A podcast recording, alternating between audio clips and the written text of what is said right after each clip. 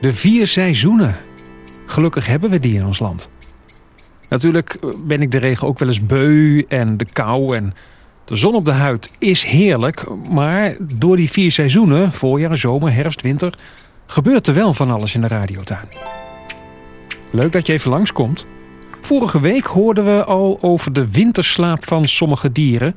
Maar er is meer aan de hand in de natuur vlakbij, in mijn tuin, maar ook in jouw tuin en ook op je balkon trouwens. Vaste natuurkenner Erik Mailleu, goedemorgen.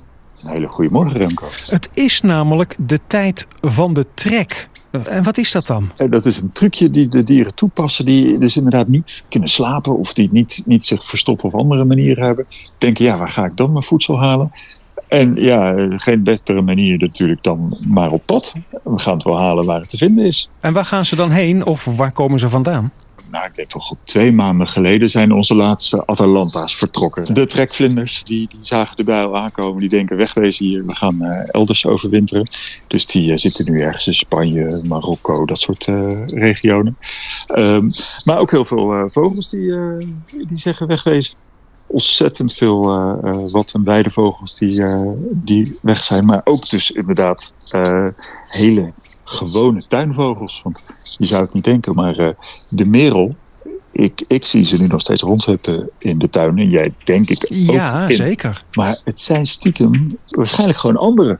Oh, dus de, de oude merels zijn weg en de nieuwe zijn gekomen, zou ik maar zeggen. Het is gek, hè? Ja. En uh, uh, vanuit het, uh, het noorden, Scandinavië, die kant op, zijn ze naar ons toegekomen. Maar welke vogels dan bijvoorbeeld, of andere diertjes, die komen ook nog onze kant uit? Voor hun naar het zuiden, ja, dat zijn wij dan.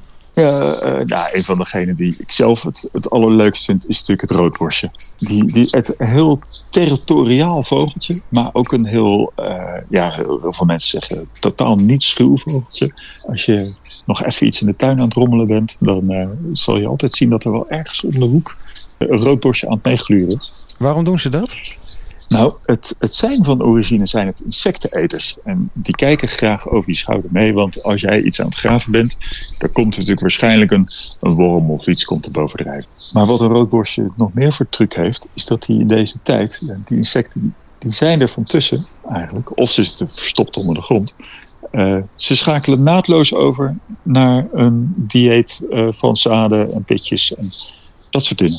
Het roodborstje is een flextariër. Soms eet hij wormen en soms eet hij zaadjes. Het is uh, ook niet de enige trouwens hoor die dat doet. De roodborstjes die doen het, maar dat zijn echte trekvogels. Uh, we hebben ook standvogels, neem de, de, de kool en de pimpelmees, maar ook uh, de mussen. Die blijven gewoon rondhangen hier. Ja, die moeten ook wel omschakelen. Dan concludeer ik, Erik, dat het in de radiotuin en ook de trouwens een hele spannende tijd is. Omdat een deel van de dieren verdwijnt. Er komt een ander deel voor terug. En die kunnen we nu dus uh, zien. Denk je, hey, dat is lang geleden dat ik dat roodborstje heb gezien. En sommigen eten dus ook ander voer dan normaal.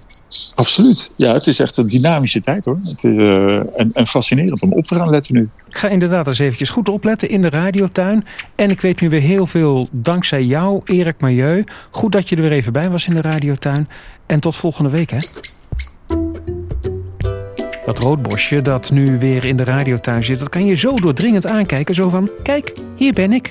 Natuurlijk weet ik ook wel dat hij niet zo op die manier aan me denkt, maar zo lijkt het toch. En dat vind ik dan weer fascinerend. Meer babbels met Erik vind je op radiotuin.nl. Daar kun je natuurlijk ook reageren. Dankjewel en tot volgende week.